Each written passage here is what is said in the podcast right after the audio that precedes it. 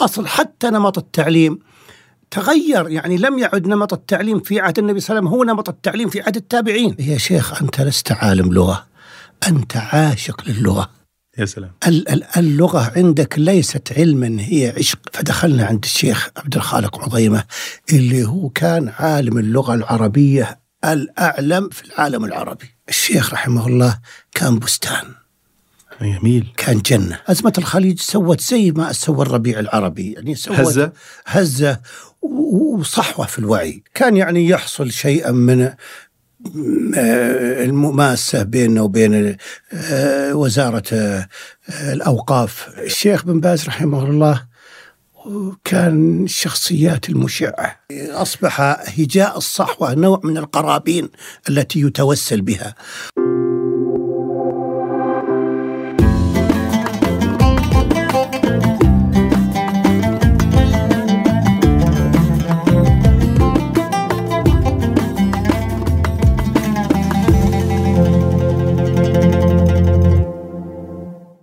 أهلا وسهلا بحضرتك في بودكاست تنوين. في هذه الحلقة نستكمل جوله في سماء الذاكرة ما عرفت ومن عرفت. ونبحث في التكوين والنشأة والتأثر فوقفنا عند المرحلة الجامعية عند دخول دراسة الشريعة. كيف تصف هذه السنوات الجامعة في دراسة الشريعة والتعرف على أساتذة؟ وأنت كنت بدأت أصلا الدراسة في المساجد والتعرف على العلماء والقراءة عليهم. كيف كانت حياة العلم في المسجد وحياة الدراسة النظامية في في الكلية؟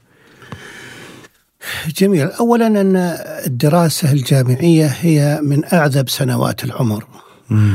ولذلك أنا أذكر أبنائي في المرحلة الجامعية أقول لا يفوتكم نعيم الدراسة في الجامعة كانت سنوات جميلة آه، نعيم يعني آه، نوع الصحبة فيها نوع الدراسة أصبح الإنسان يدرس وهو يشعر بقيمة ما يدرس. ما عاد أصبح يدفع دفعا أو يساق سوقا. لا هو الآن يتفاعل مع ما يدرسه شخصيات أساتذة الجامعة شخصيات ناضجة آه، هم جيل آباء.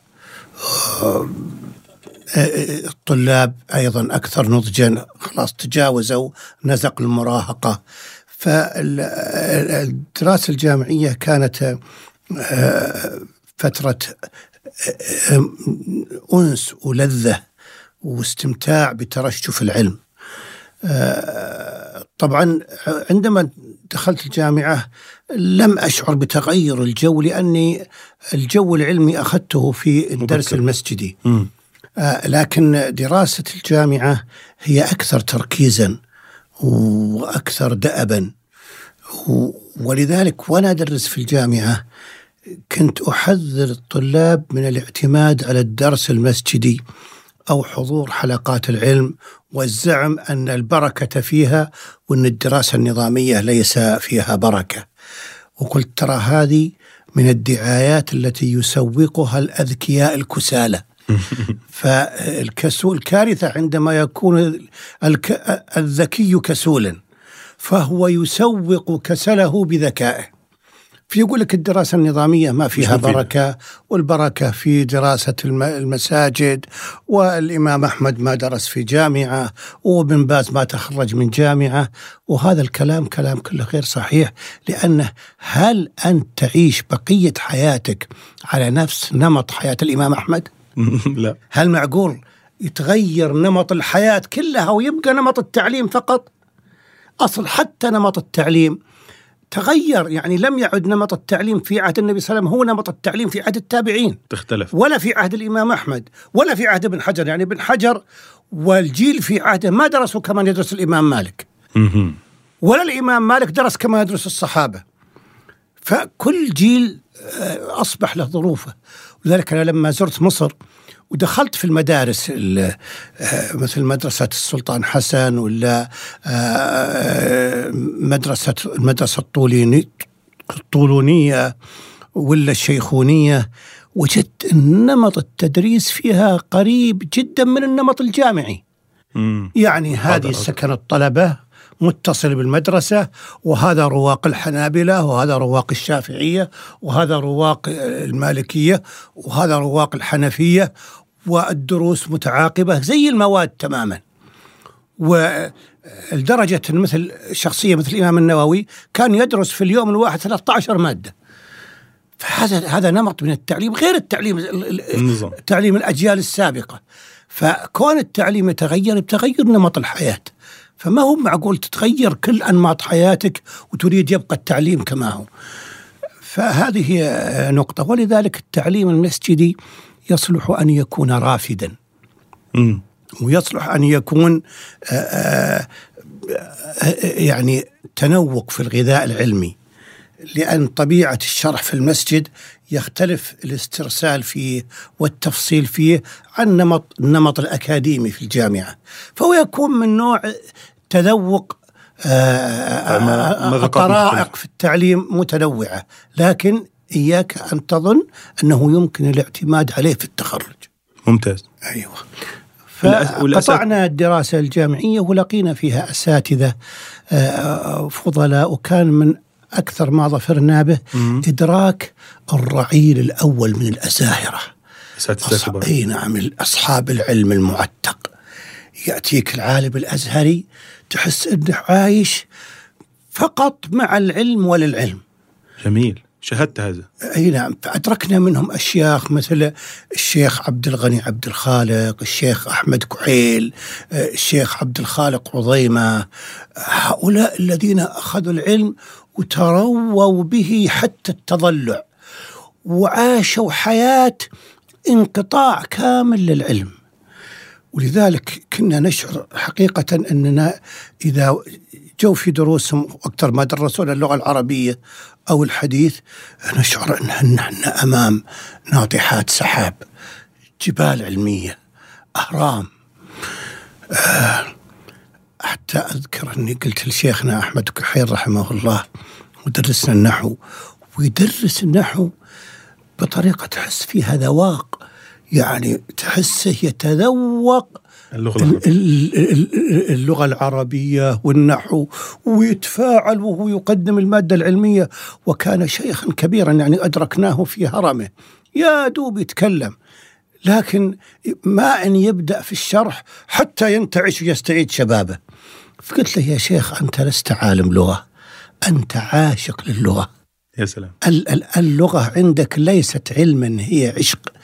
طرب جدا. إي والله إي والله. أنت عارف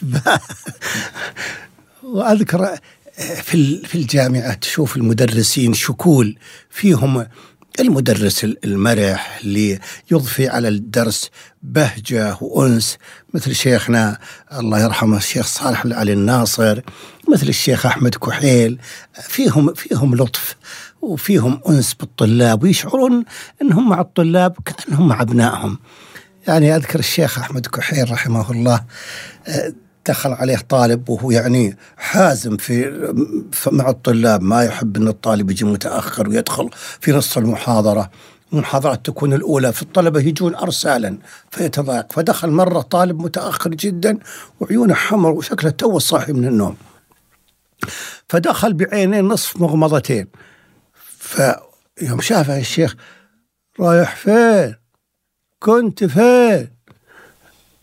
وعينك حمرة كمان. فهو طالب كان ظريف قال والله يا شيخ تعرف أنا كنت متزوج البارح. سبحان الله. طبعا لا تزوج ولا شيء. أنت خرج من الجامعة هو ما تزوج. بس هو ينقذ الموقف. يوم قالها الشيخ يوم تورد وجهه وبدأ يتلمض خلاص خلاص ادخل بقى ادخل حنكرمك حنكرمك عشان خاطره حنكرمك عشان انت اكرمته. ادخل بقى ادخل بقى. فمثل هذا كان يعني حياة معه منعشة. وفيه نوع من المدرسين تحسه مثلا لا مثل سكة القطار. يدخل.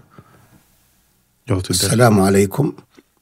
المحاضرة الأولى لا داعي للمقدمات كتاب الجنايات الجناية في اللغة. أب جزم ما في. ف آه، أنواع المدرسين في لياقتهم النفسية في أفقهم العلمي بمجموعهم ثروة للطالب. هو يتنقل كأنك اليوم عند الإمام أحمد وبكرة عند البخاري وبكرة عند كل كل واحد منهم مدرسة. فكانت الحقيقة سنوات من العمر جميلة من عاصرت الشيخ عبد الفتاح في في في الجامعة ولا بعد ذلك؟ في الدراسات العليا في الدراسات, الدراسات العليا, العليا. كيف كانت العلاقة معه؟ يعني يعني يعني شيوخنا سبحان الله اللي أدركناهم كل واحد آه، سبحان الله آه، نمط فريد يذكرك ب بنظائره من علماء السلف يعني مثلا أذكر خرجنا من الجامع آه، أنا وخالي ناصر وكان الشيخ عبد الخالق عظيمة وأحمد كحيل يدبون دبيبا. ف يمشون شوي ثم يقفون ثم يمشون شوي ويقفون. قال خالي ناصر شوف المشايخ تراهم يمشون يتكلمون ثم يقفون يعربون كلامهم لأنهم كلهم نحاة رحنا وسلفنا سلمنا عليهم. فقال الشيخ أحمد كحيل ما تتفضلوا بقى عند الشيخ. فدخلنا عند الشيخ عبد الخالق عظيمة اللي هو كان عالم اللغة العربية الأعلم في العالم العربي اللي أخذ جائزة الملك فيصل في اللغة. العربية. دخلنا لشقته وإذا هي عبارة عن يعني شقة صغيرة جدا على البلاط البلاط غير مفروش. بسيطة. فيها سرير الشيخ ومكتبة وكتب واحد مفتوح وواحد طايح على جنب وبطاقات مصفصفة. وتحس أن مج... هذه الشقة خالية وكان عزبا. لين جت بعدين السيدة حرمة رحمهم الله. فقلت أنا في نفسي هذه الشقة تشبه نار الأعشى التي قال وبات على النار الندى والمحلق وبات في هذه الشقة النحو وعظيمة. عجيب. فعلا شعرت تلك الساعة أني أنظر إلى حياة العلماء الأولين الأخفاش ابن جني النحاة هؤلاء اللي عاشوا للغة ومع اللغة واكتفوا بها. هكذا كان الشيخ. الشيخ عبد الفتاح درسنا عليه في الدراسات العليا. الشيخ رحمه الله كان بستان. جميل. كان جنة. الروح المأنوسة الشخصية الأنيقة. الشيخ أنيق أنيق في في لباسه أنيق في كلماته. تحس أنه هو يتكلم ينقي الكلمات تنقية. ما هو يتكلم هدرا وهذرا لا كأن الكلمة يذهب إليها فيقتنصها اقتناصا. فلكلامه لذة. في فيه عشق للعلم وطرب بالمعلومة إذا ظفر بها. يعني تحس إن أتوقع إنه إذا جلس يبحث ثم وصل إلى معلومة يدورها يبحث عنها لذلك كان يقول لنا أنا هذه المعلومة أبحث عنها مثل صيد السمك اللي يصيد يحتاج إلى هدوء حتى يظفر بها. فأنا أتخيل إذا ظفر بمعلومة يبحث عنها أنه يصيبه نشوة كنشوة السكر. ولذلك مرة كان يتكلم عن موضوع فيتعلق بمذهب البخاري في السماع وما يقال عنه فقلت له بس يا شيخ الحافظ بن حجر ينسى نفسه أحيانا فيرجح غير مذهب البخاري في الفتح نفسه فيقول فلان أدرك فلان واللقاء بينهما ممكن. قال يرحم جدك تذكر المكان؟ قلت والله أذكر أنا وضعت فيه علامة. قال لما تروح اليوم دع علي تلفون. عايز يسمع المعلومة. أي بالمعلومة والجزء والصفحة. قلت طيب فرحت البيت أني أخذت الموضوع على التراخي. ما دريت بعد المغرب إلا الشيخ يسهم. حصلت الكتاب والموضوع حصلته. قلت طيب لحظة شوي رحت أتيت بالفتح الباري وفتحته وبدأت أقرأ عليه. قال يرحم جدك. تحس كذا بنشوة. يرحم جدك. صفحة كم؟ أعطيته الصفحة والجزء أخذها. ثم وجدت المعلومة هذه اللي أنا يعني تذاكرت أنا وإياه فيها. رأيتها راقدة في كتابه التعليق على الموقظة. قلت يعني هذا ما يكون إلا من صياد ماهر يعني يستطيع يختطف المعلومة من حيث ما وردت وحيث ما وجدها. ولذلك قضية تتبعه للمعلومات في تعليقاته آه، مذهلة. آه، أما نفسه الرضية وسخاء العلمي كان شيء عجيب. يعني أذكر مرة استهواني أني أكتب في موضوع النبي صلى الله عليه وسلم معلما. وهو له كتاب يعلن عنه ما ما طبعه. ما اسمه الرسول المعلم. فقلت له يا شيخ وش صار على كتابك الرسول المعلم؟ قال والله لسه ما فرغت له. قلت طيب ممكن أستعيره منك؟ أنا مهمني هالموضوع. قال تكرم تمام. تمر أعطيك اياه فأنا توقعت أن الكتاب عبارة عن يعني مسودة مكتوب في في كراسة أو شيء. فيوم أتيت إليه قام أخرج لي ظرف. ظرف. ظرف مغلق. فأخذت الظرف أنا ظننت ان اللي جواه كتاب. جواه كراسة أو فيوم فتحت الظرف وناظر ولا هذه ورقة كبيرة وورقه صغيرة وورقه مشفوكة بدبوس وورقه مفلوتة ومربوطة مسوده الكتاب متفلل عبارة عن خزانة. كل ما وجد شيء يتعلق بهذا الموضوع وضعوا في هذا الظرف. وضع في هذا الظرف وألصقه. قلت طيب أنا إذا حركته الآن هذا الكتاب سيصبح ينتثر لا والله تدري ورجعته كما هو ورجعته للشيخ من غير أن أفتح من شيء لأني خشيت أنه يعني ينهار هذا البناء اللي قاعد يجمعه. رجعت قلت جزاك الله خير واستفدت الله يجزاك خير. أنا استفدت العبرة بطريقته. أما الكتاب ما قرأته. ما قرأته. ما, ما, ما أستطيع أحرك فيه شيء. وانتظرت حتى طبع الشيخ الكتاب وقرأته وأنا مرتاح وقلب صفحاته بحرية. لكن الشاهد لا يعرف قيمة ما فعله الشيخ إلا من جرب البحث العلمي. يعني واحد مجمع مسودة كتاب ثم يسخوبه ويعطيه تلميذه. كرم. طيب أفرض أنه ضيعه. وضع عنده. راح هذاك الجهد كله هباء. لكن كان الشيخ سخي. ولذلك بورك في علمه ولا ضاع علمه. آه الله يرحمه ويسكن في الجنة. يعني هذا التفاعل مع كلها الأساتذة كان فرصة في الجامعة. يعني لحقت على الجامعة وفي الدراسات العليا. وفي الدراسات العليا. الدراسات العليا يعني. وكل واحد كما قلت له يفتح لك طريق. كل واحد مختلف. هو نمط معين. مثل شيخنا الشيخ أحمد معبد عبد الكريم. الله يحفظه ويمتع متاع الصالحين. أين أيضا نمط خاص في في البحث العلمي وفي الاستقصاء؟ وهو ممن افترسه الذئب الهيجلي. أوه.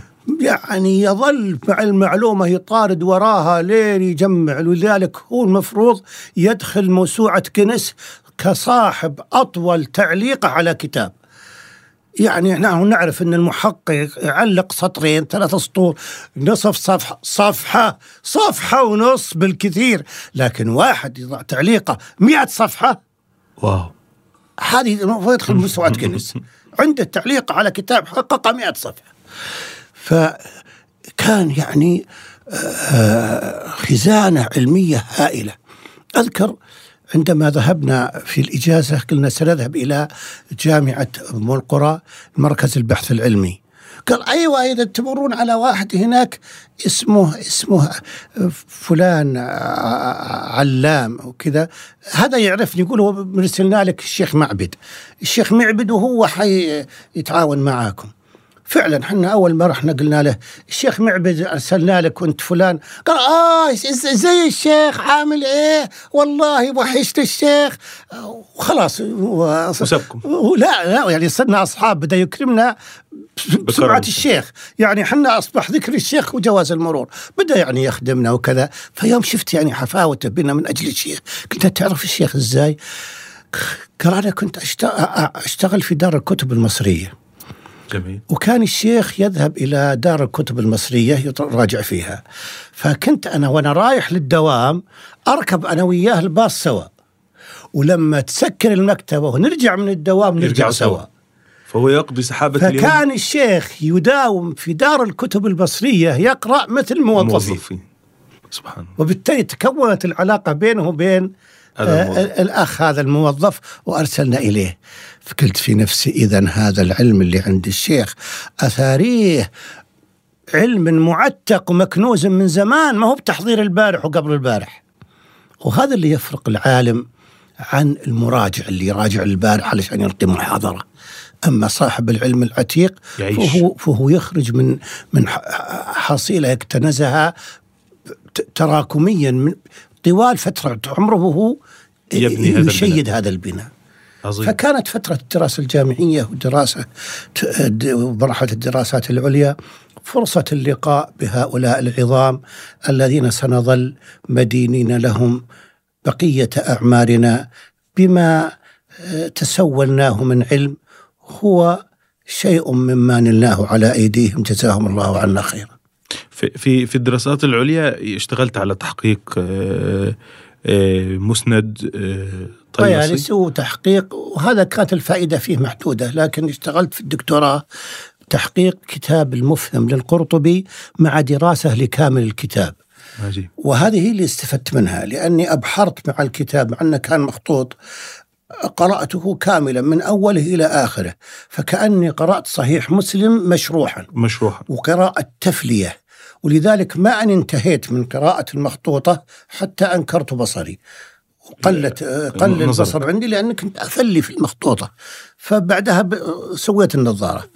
لكن كان الإبحار مع مع مع كتاب موسوعي مثل هذا عبارة عن ترتيب للحصيلة العلمية المتناثرة. امم خلاص يعني تجتمع بشكل بنيان.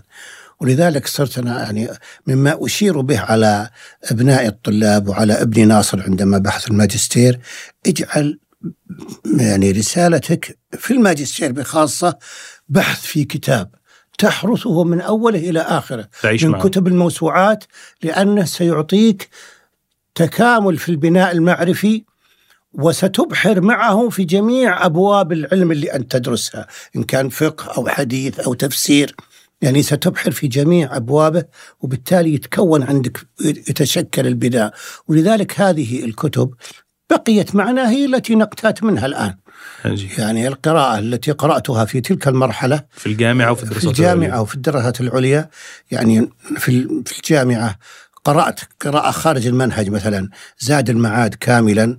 وقرأت مختصر مسلم ومختصر البخاري وأنا أقول الآن يعني بكل صراحة أنا أقتات من هذه القراءة. زاد المعاد و... زاد المعاد ومختصر مسلم ومختصر البخاري ويعني الكتب اللي قرأتها في تلك المرحلة.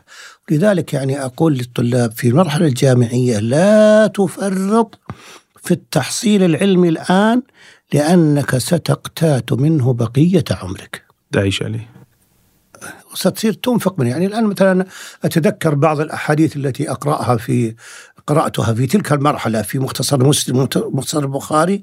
إذا تذكرتها الآن أتذكر مكانها في الصفحة وأتذكر هي على اليمين ولا على اليسار. ثم قرأنا بعد ما شاء الله ذهبت كالكتابة في الماء والخط على الرب عجيب. سافرت آه، بحث عن مخطوطة صح في الهند؟ لك نعم، هذه أول لل- رحلة علمية. للهند نعم. وهي زفرت به. رحلة بائسة. ولذلك ذهبنا إلى الهند وبقيت فيها قرابة أزيد من شهر وتنقلنا فيها في بين ست مدن من دلهي إلى حيدر أباد إلى لكنو إلى بنارس إلى بتنة إلى بومبي. وذهبنا إلى المكتبات فوجدنا القائمين عليها. قد وكل أمرها إلى جموع منوع. أصعب شيء تحصل نسخة من مخطوطة عندهم في الهند وهي مخطوطاتنا نحن. حتى رأيت مخطوطة كات- كاتبها واحد من علماء نجد. ما أدري إيش طيرها للهند هناك. طيب هذه مخطوطاتنا وتلقى القائم على المكتبة هم هندوسي ولا يعني موظف آه، ولا؟ ولا يمكن يسمح لك تصور ولا تنسخ ولا شيء. بس كنا هم تتفرج ما يخالف غيره يفتح الله ويسهل. فكانت رحلة خائبة المسعى علميا لكن استفدنا منها لقاء بعض المشايخ يعني التقينا فيها بأبو الحسن الندوي والتقينا فيها ببعض الأشياخ اللي هم بقية الجيل العلماء جيل العلماء في الهند. وتتبعت أطياف جدي اللي عاش في الهند فترة طويلة وتشرد فيها عندما تحررت الهند وسريلانكا فمنعوا الغواصين اللي يأتون من الكويت آه، من الغوص فعاشوا مشردين. فأنا أدور أقول جدي هو كان هل سلك هذا الطريق؟ هل كان هنا؟ لأن وصف لنا معاناته في الهند عندما انقطعت بهم السبل.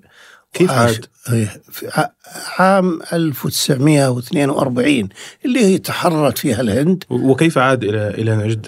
هم أول شيء عاشوا في غاية البؤس لأنهم ركبوا السفن من الكويت للغوص في سريلانكا فالبحار البريطاني صاحب السفينة هو عارف إنها تحررت بس ما له شغل بياخذ آه. بيأخذ الأجرة منهم يوم وصلهم ونزلوا يبي يريدون العمل كالمعتاد قالت الحكومة السريلانكية هذا ممنوع. اللؤلؤ ممنوع الغوص لأن الثروة قومية وما رجعوا على البحار. قالوا رجعنا على الكويت. قال لا أنا ما اتفقت معكم إني أوديكم وأرجعكم قالوا طيب ممنوع الغوص.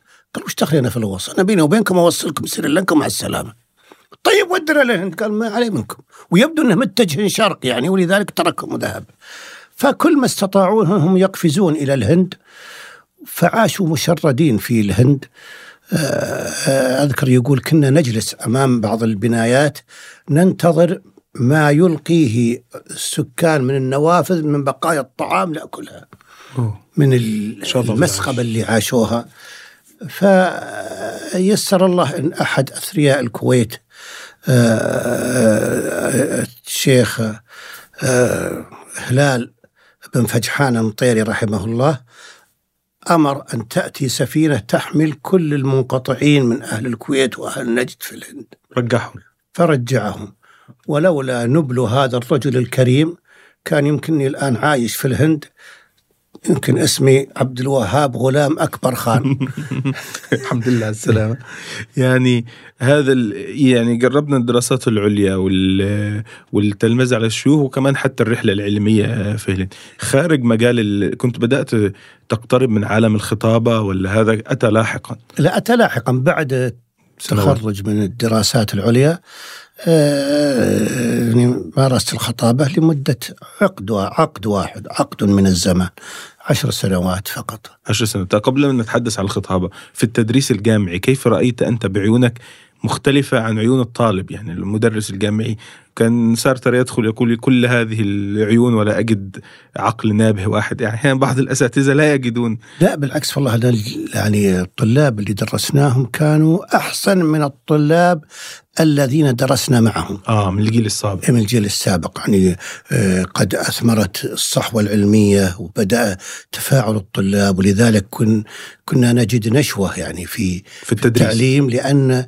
تشعر أنك تتكلم مع طلاب في غاية الوعي. فجيل الطلاب اللي درسناهم الحقيقة كان جيلا واعيا. وبعضهم كانوا مبهرين ويعني تقدموا إلى الأمام بخطوات متوثبه وصاروا زملاء ثم صاروا شيوخ وبعضهم لا نصلح أن نكون تلاميذ لهم الحقيقة يعني في ثرائهم العلمي وتحقيقهم وفقهم الله وباركهم وبارك فيهم لكن متعتي في الدراسة الجامعية قتلها الحماس كيف؟ يعني يعني أنا أتيت كنت شاب فآتي للتدريس ب بحماس المدرس اللي يريد أن يحافظ على انضباط الفصل. فصل الطلاب ما يمكن ينضبط يعني هذول شباب آه، قريبين عهد بالمراهقة بالمراهقة كذلك كنتم من قبل فمن الله عليكم فالمحافظة على الانضباط يخسر فيها المدرس آه، عفويته ووداده مع الطلاب وأريحيته معهم. فهذا هذا الأمر ما انتبهت له إلا متاخرا متاخرا. ولذلك تعاملي الآن مثل الأب الشيخ. الأب إذا كبر في السن تعامله مع أولاده غير تعامله يوم كان شاب. كان شاب. إيه ف يصبح الآن في مثل سني الآن عندما أدرس الآن في الجامعة لا ودللهم ودلل الطلاب و في عهد شبابك؟ لا كنت أكثر لا كان. كان كان خطأ. لذلك يعني اللي يسمعني الآن ينبغي يستفيد من هذا الخطأ. لا تدخل لل- للفصل كقائد عسكري وإنما أدخل كأخ وأب واحتوي الطلاب و- ولاطفهم. وإن خسروا علمك لا يخسرون ودك ولطفك والمعاني اللي تبثها معهم لأن أكثرهم قد لا ليس مؤهل إنه يتأهل علميا. ويواصل. فعلى الأقل خله يحبك ويستفيد منك من درس تربوي من توجيه من نصيحة. آه لكن كان سبحان الله يعني الحزم العلمي آه أفسد الأداء الحقيقة في بداية المرحلة. وهي مرحلة التدريس الجامعي آه، في السعودية لم تكن طويلة يعني كانت 13 سنة. ثم عدت الآن بعد ذلك على كبر. لعلي. أستعيد لياقتي شوي. هو يقولون اللي يدرس الطلاب في الجامعة دائما يشعر بالشباب الدائم لأنه دا- دائما يدرس شباب فيشعر بهذه. فعلا الشباب هم يضخون فيك من حيويتهم وألقهم وتفاعلهم. فيعيش الإنسان معهم في حيوية. هذا هو جمهور الطلاب. كان لديك جمهور آخر اللي هو جمهور في المسجد عندما بدأت الخطابة. الفرق بين الجمهور يعني نوعين مختلفين من المادة العلمية التي تناسب الناس. كيف أصلا كنت في التجربة ديت؟ يعني تراها الآن وكيف تراها بعد مرور هذه السنوات؟ قضيت فيها عشر سنوات. نعم عشر سنوات. طبعا أيضا الخطابة يعني كانت أيضا في عنفوان الشباب وأيضا في ظرف زمني معين اللي هو جاء معه أزمة الخليج وجاء معه أزمة الخليج سوت زي ما سوى الربيع العربي يعني سوت هزة؟ هزة و- وصحوة في الوعي. 91 إيه نعم اللي هي اجتياح صدام الكويت. كان كانت مؤثرة عليكم حتى في الخطاب؟ طبعا إيه. مؤثرة يعني بد- بدأ ال- الناس يت- يتساءلون وش موقعهم يعني في في مجتمعهم؟ وش موقعهم في وش موقع ال- الشعب في في في, في, بلده؟ وش آه، مساحة مشاركته؟ بدأ يعني بدأ هذا الكلام يتكل- ينتشر. بدأ الكلام عن آه، هاجس الإصلاح آه، يعني ينتشر. وبالتالي صارت الخطابة تتجاوب مع هذا. ف كانت الخطب يكون فيها شيء من هذا الشجو اللي يثير الناس ويجعلهم ي... أيضا يتفاعلون. فكان هذا يعني من السمة اللافتة في تلك المرحلة. ولذلك الخطب اللي ألقيتها كثيرا ما يقول لي بعض الإخوة. لماذا ما تطبعها في ولا كتاب. في كتاب. فكنت أقول الخطبة عمرها أسبوع.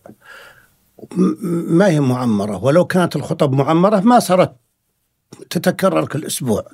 ولذلك كان شيخنا الشيخ عبد الرحمن الدوسي رحمه الله يقول أبو بكر لم يخطب بخطبة من خطب الرسول. وعمر صلى الله عليه وسلم وعمر ما خطب بخطبة من خطب أبي بكر.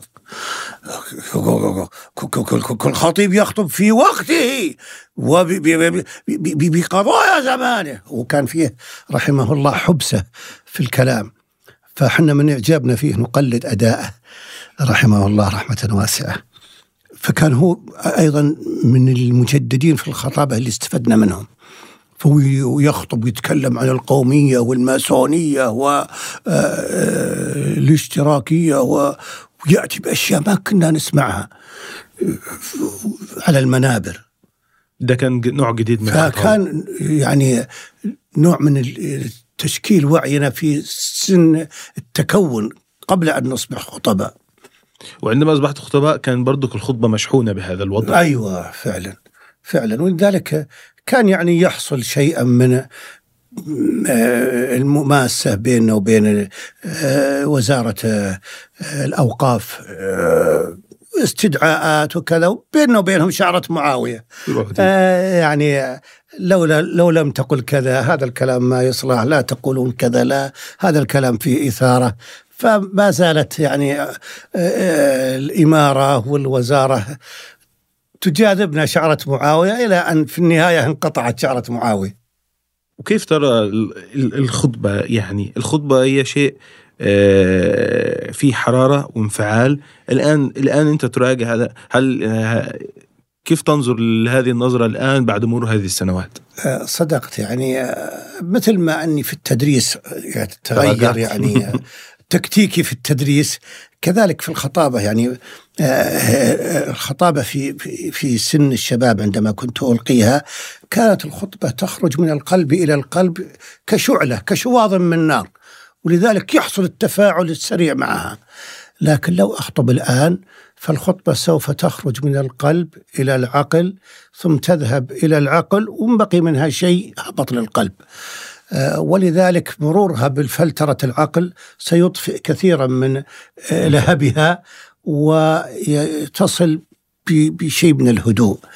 آه الآن أصبح يعني وجهة نظري في الخطابة أن خطيب الجمعة طبعا ما أتكلم عن غيره خطيب الجمعة عليه أن يتحدث مع الناس فيما يعنيهم. ولا ينتقل بهم إلى مناطق ليست مما يؤثرون فيه أو آه، يتأثرون.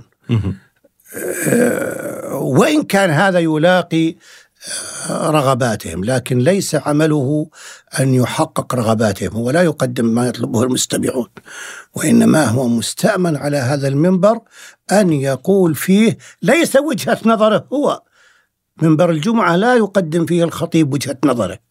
والذي أراه في وجهة نظري هذه كلها بعدين. كلها في المجلس اكتبها بمقال في صحيفة. هنا تقدم وجهة نظر الشرع وجهة نظر الدين وجهة نظر محمد صلى الله عليه وسلم.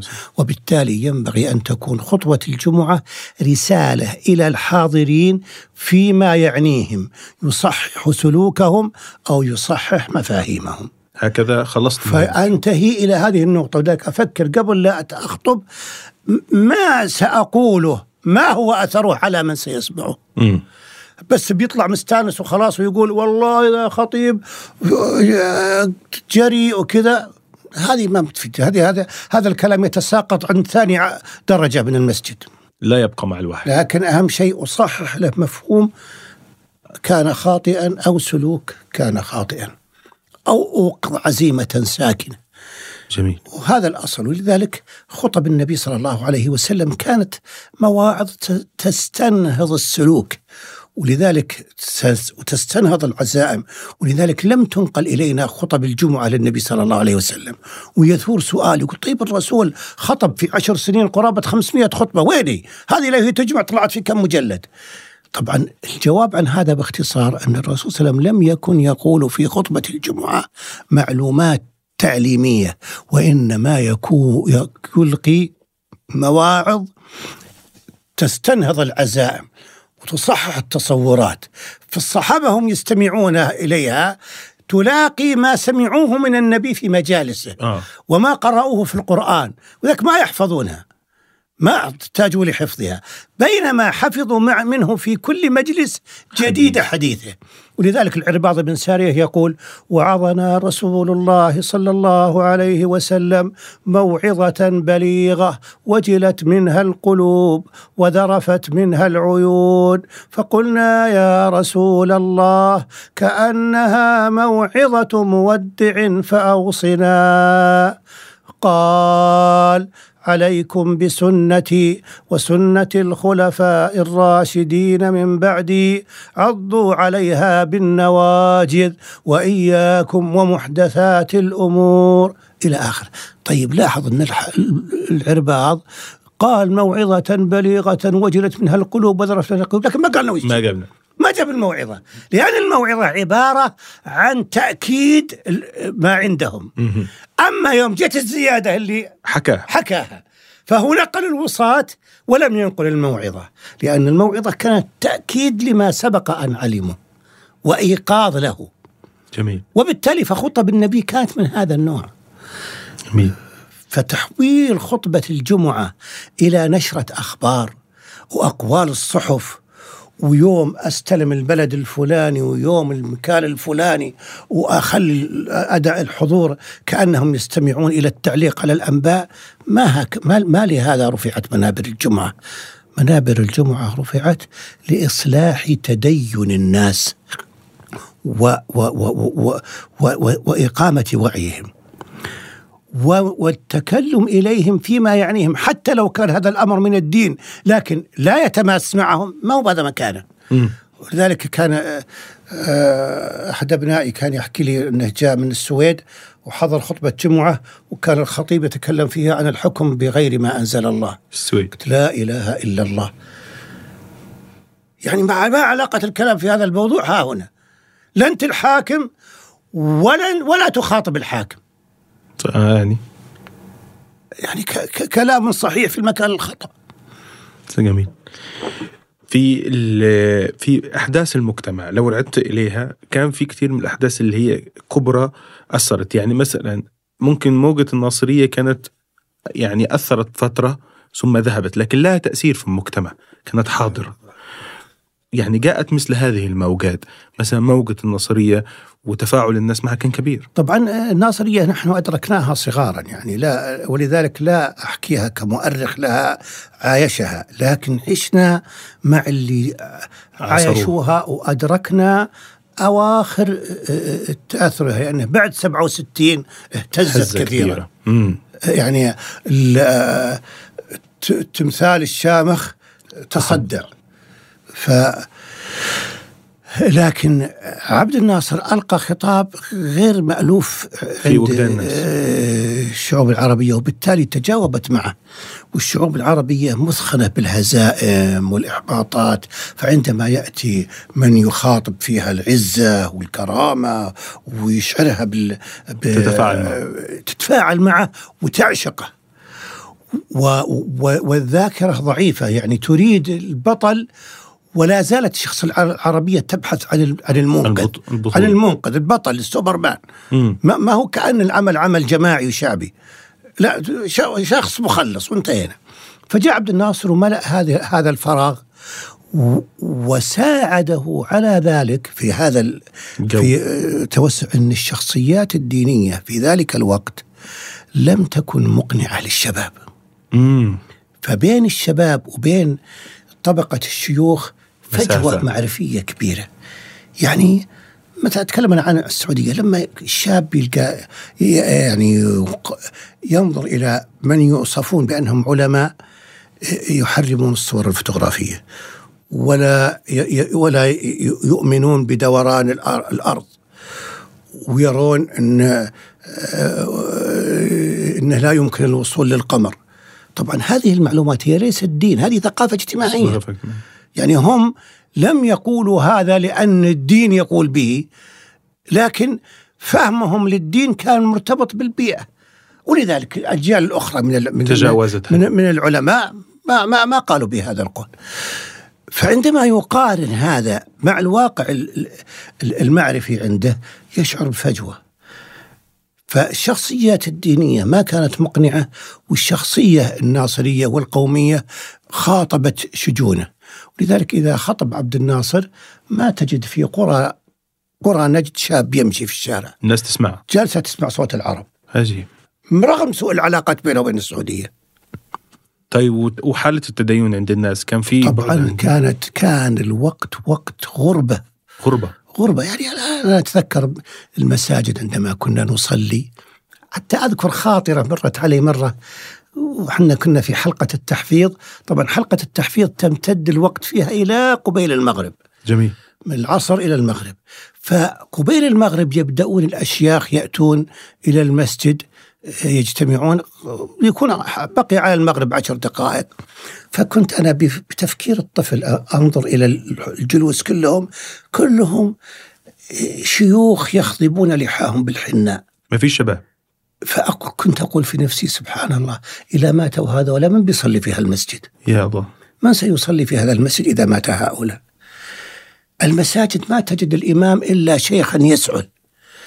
آه، آه، يعني رمضان يأتي هو موعد مباريات القدم والطائرة. الطائرة في الليل والقدم بعد صلاة الفجر. أما أنك تلقى شاب في المسجد يقرأ قرآن يفتح الله ويسهل. أما أنك تجد شاب هو إمام المسجد, يصلي بالناس التراويح.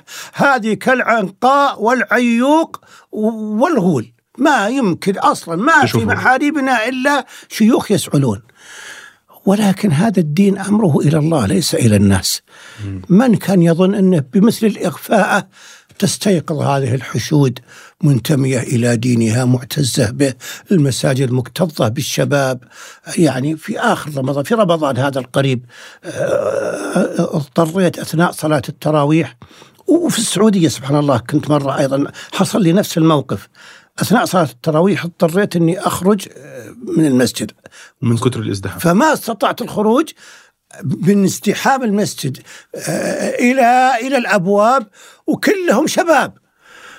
ملابسهم وتيشرتاتهم واللي عليها رسوم ما أدري شكلها وقصاتهم بأنواعها لكن واقف بغاية النسك حتى إني أقول ليت واحد من هؤلاء يدعو لي. لا أظن إلا أن هؤلاء ممن يعجب الله إليهم. جميل.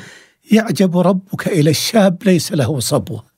يعني هؤلاء ما هم مثلنا. هؤلاء الآن يعيشون أبواب المتع أمامهم كلها مفتوحة.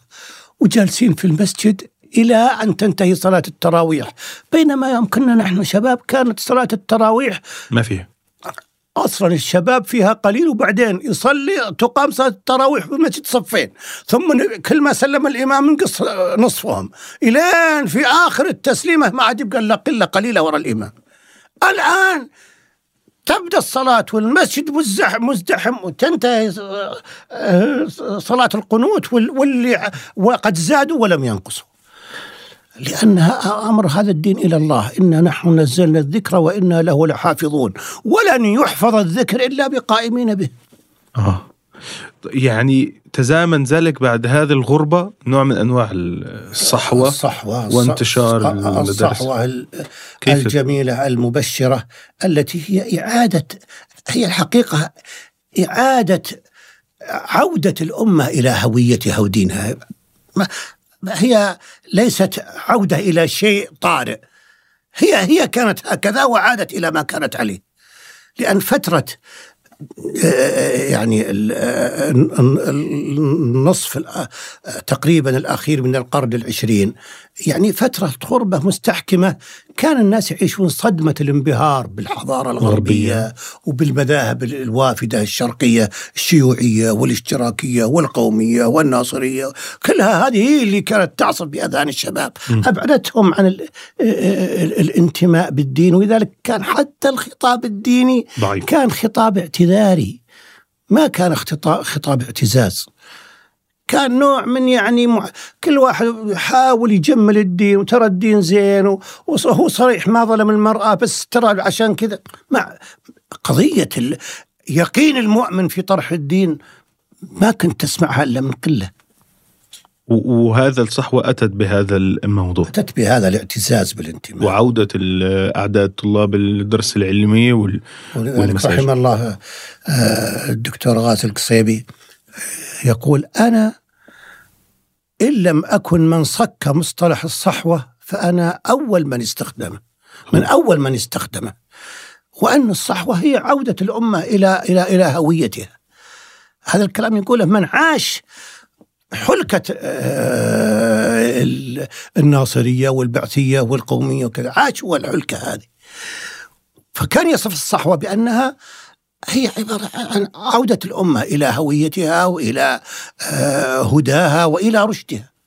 طيب ما يصار على على أنها فيها التجديد أو فيها كثير من الأخطاء ومراجعتها، أنت كيف تنظر الآن؟ كما نظرت المراحل يعني سابقة من حياتك وراجعتها يعني يقولون مراجعة نقدية فيها من الأشياء أو فيها من الملاحظات لو تعطينا أو أن هذا التشدد أصلا كان جزء يعني كيف أنت تفسر لنا وأنت عشت كل هذه التجربة؟ الآن يعني آه، أصبح فيه طريقة هجوم على على التدين بالهجوم على آه، الرموز التي تمثله سواء المراحل الزمنية أو الشخصيات.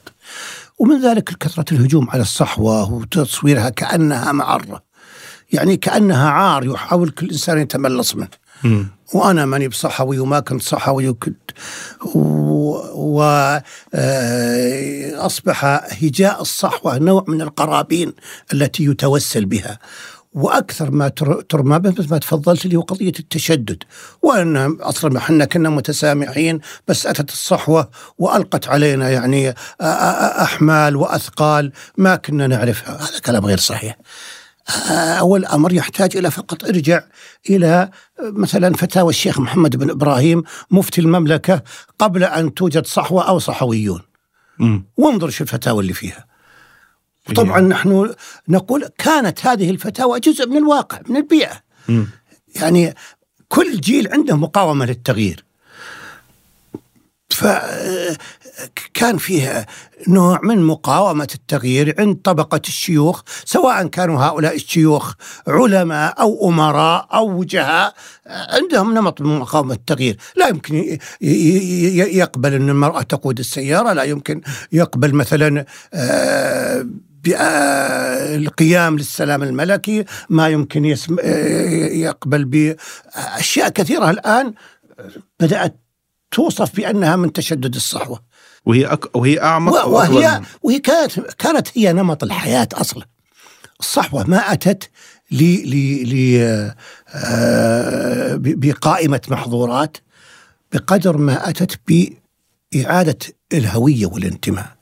أما هذه المحظورات فهي محظورات اجتماعية أو محظورات دينية لكن من من الإرث الديني السابق. ومثل ما قلت لك الآن راجع فتاوى الشيخ محمد إبراهيم وفات وراجع فتاوى اللجنة الدائمة آه، آه، للإفتاء وشوف الفتاوى اللي فيها هذه لا يمكن أن يوصف أحد من منهم بانه صحوي أو انه أصلا أدرك جيل الصحوة. يعني الشيخ محمد بن إبراهيم قبل مات رحمه الله قبل أن يوجد ما يسمى بالصحوة. وفتاواه فيها من الاحتياط وفيها من المحافظة وفيها من ما يمكن أن نعبر عنه بشيء من يعني التشدد اللي نعبر عنه الآن بأن التشدد لكن في وقته ما كان يوصف بأن التشدد كان هو ماجريات الحياة في ذلك الوقت.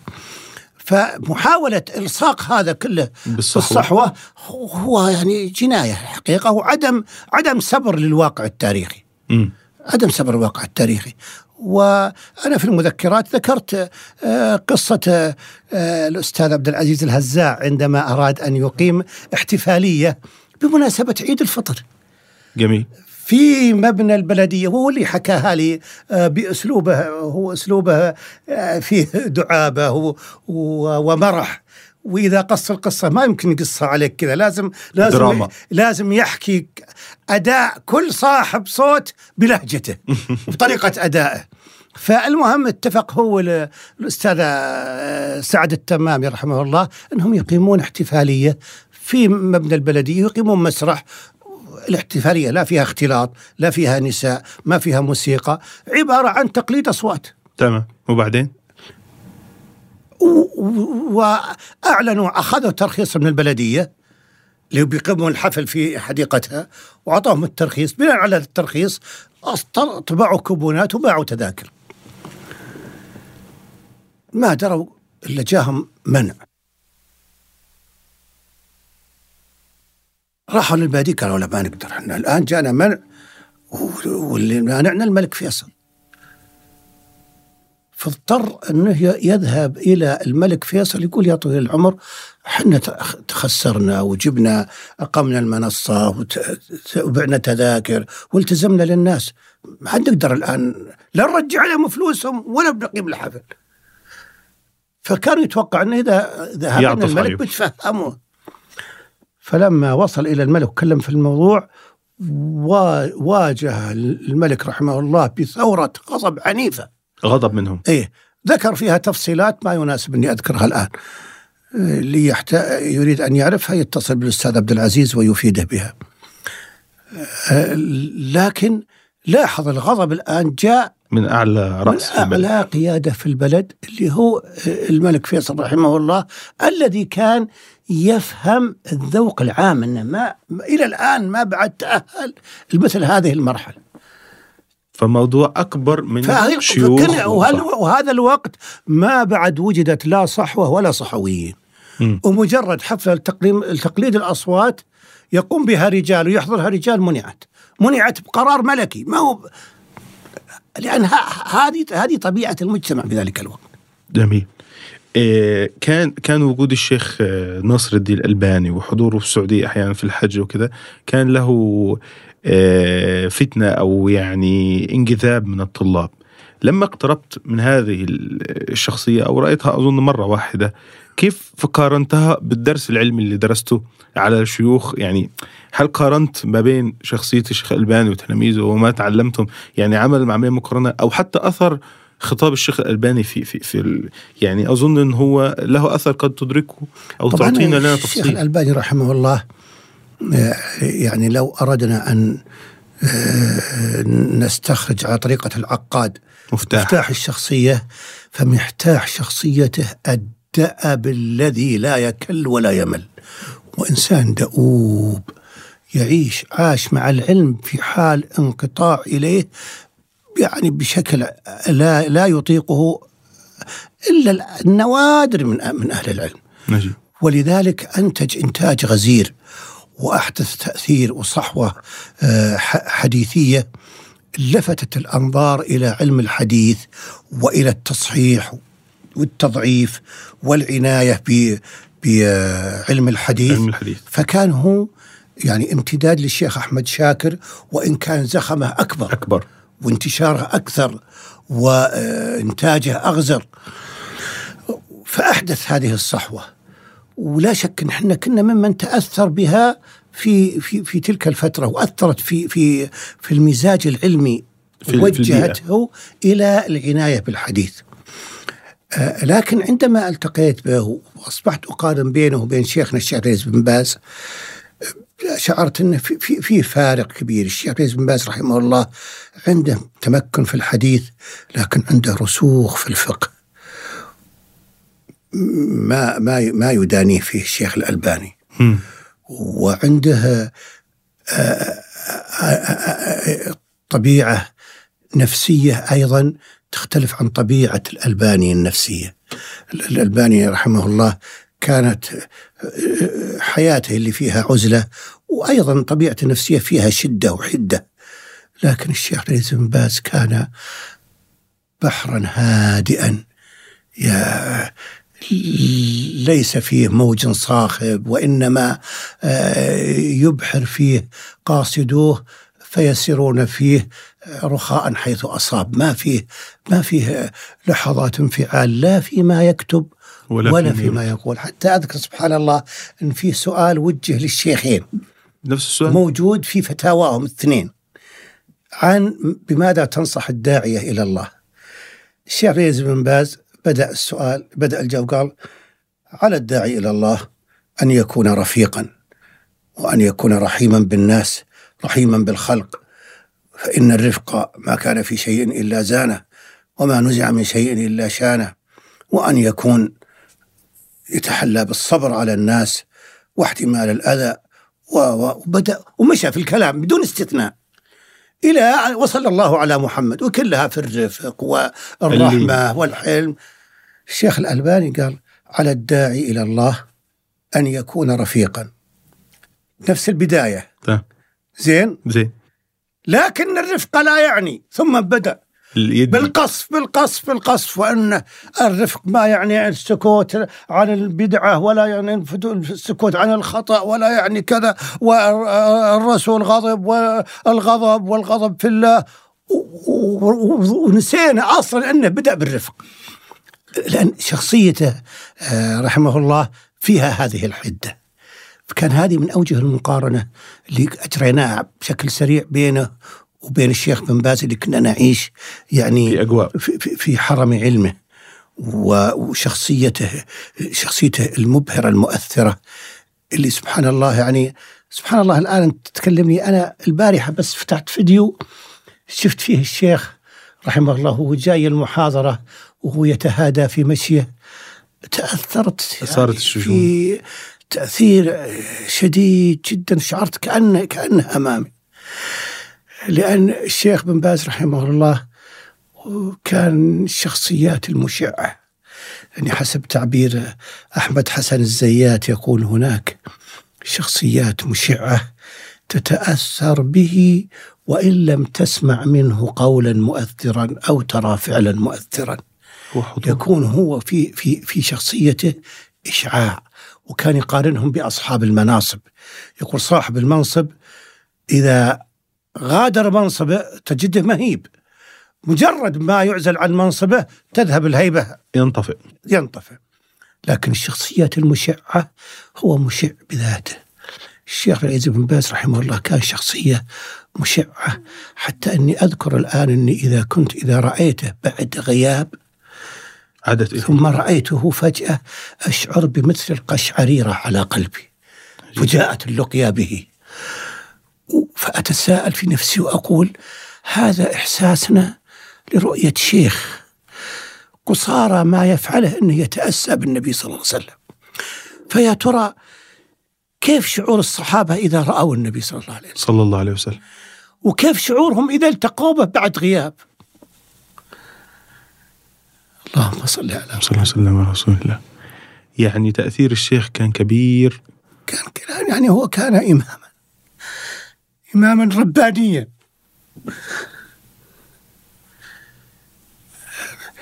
يعني شخصية فيها تأله. عاش لله كأنه لا يكاد ينافس مراد الله في نفسه مرادا آخر. لا ينافس مراد الله في نفسه مراد آخر.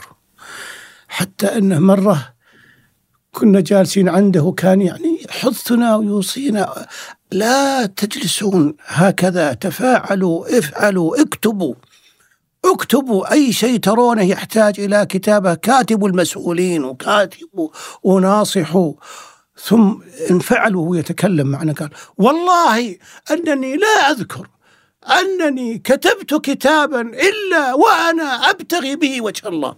ما كتبت سوداء في بيضاء إلا وأنا أبتغي بها وجه الله. عندما قال هذا الكلام شعرت بمثل الدوار. شعرت كأنني في, في, في أفق عالي. إذا قارنت بما أعلم عن حالي كأني سقطت من الدور العشرين. من من الذي. يجرؤ أن يقول مثل هذا اليمين إلا الشيخ بن باز؟ لا أعلم أني كتبت شيء إلا وأنا أبتغي به وجه الله.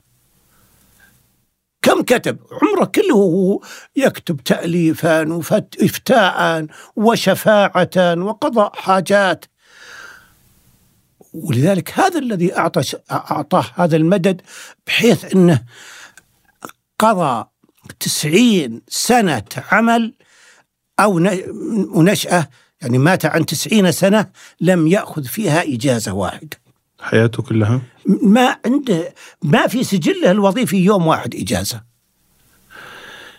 لأن لأن العمل عنده هو يشعر أنه يرمي في الحصالة. مم. هو يضع في حصالة خزانة الحسنات. بالتالي ما لا يريد أن ينقطع. شخصية فريدة ومن حديث حضرتك يبدو هذا التأثر والتفاعل معه كان مميز. يبدو أنه ما تفاعلتش مع شخصية حاضرة بهذا القدر في في في المسيرة. يعني كان إماما ولذلك يصعب أن نقول من البديل للشيخ بن باز؟ لأن المناقب التي فيه قلما تتكرر مجتمعة في شخص وإنما تورث بعده وراثة. تقسم قسم التركة. يقال لفلان من أخلاقه كذا ولفلان من علمه كذا ولفلان من علمه كذا. يعني تقسم مناقبه قسم التركة. عظيم. عند هذا الحديث وعند هذه الشخصية المؤثرة يعني نتوقف في الحديث هذه الحلقة. شكرا لحضرتك على هذا الرحلة في الذاكرة والشخصيات والتجارب المهمة التي أمدتنا بها في هذه الجلسة. شكرا لحضرتك. شكرا لك أبو ديمة ولحظة أنس أتحت لي فيها أن أتحدث؟ لأنه يقل أن يتاح لي أن أتحدث.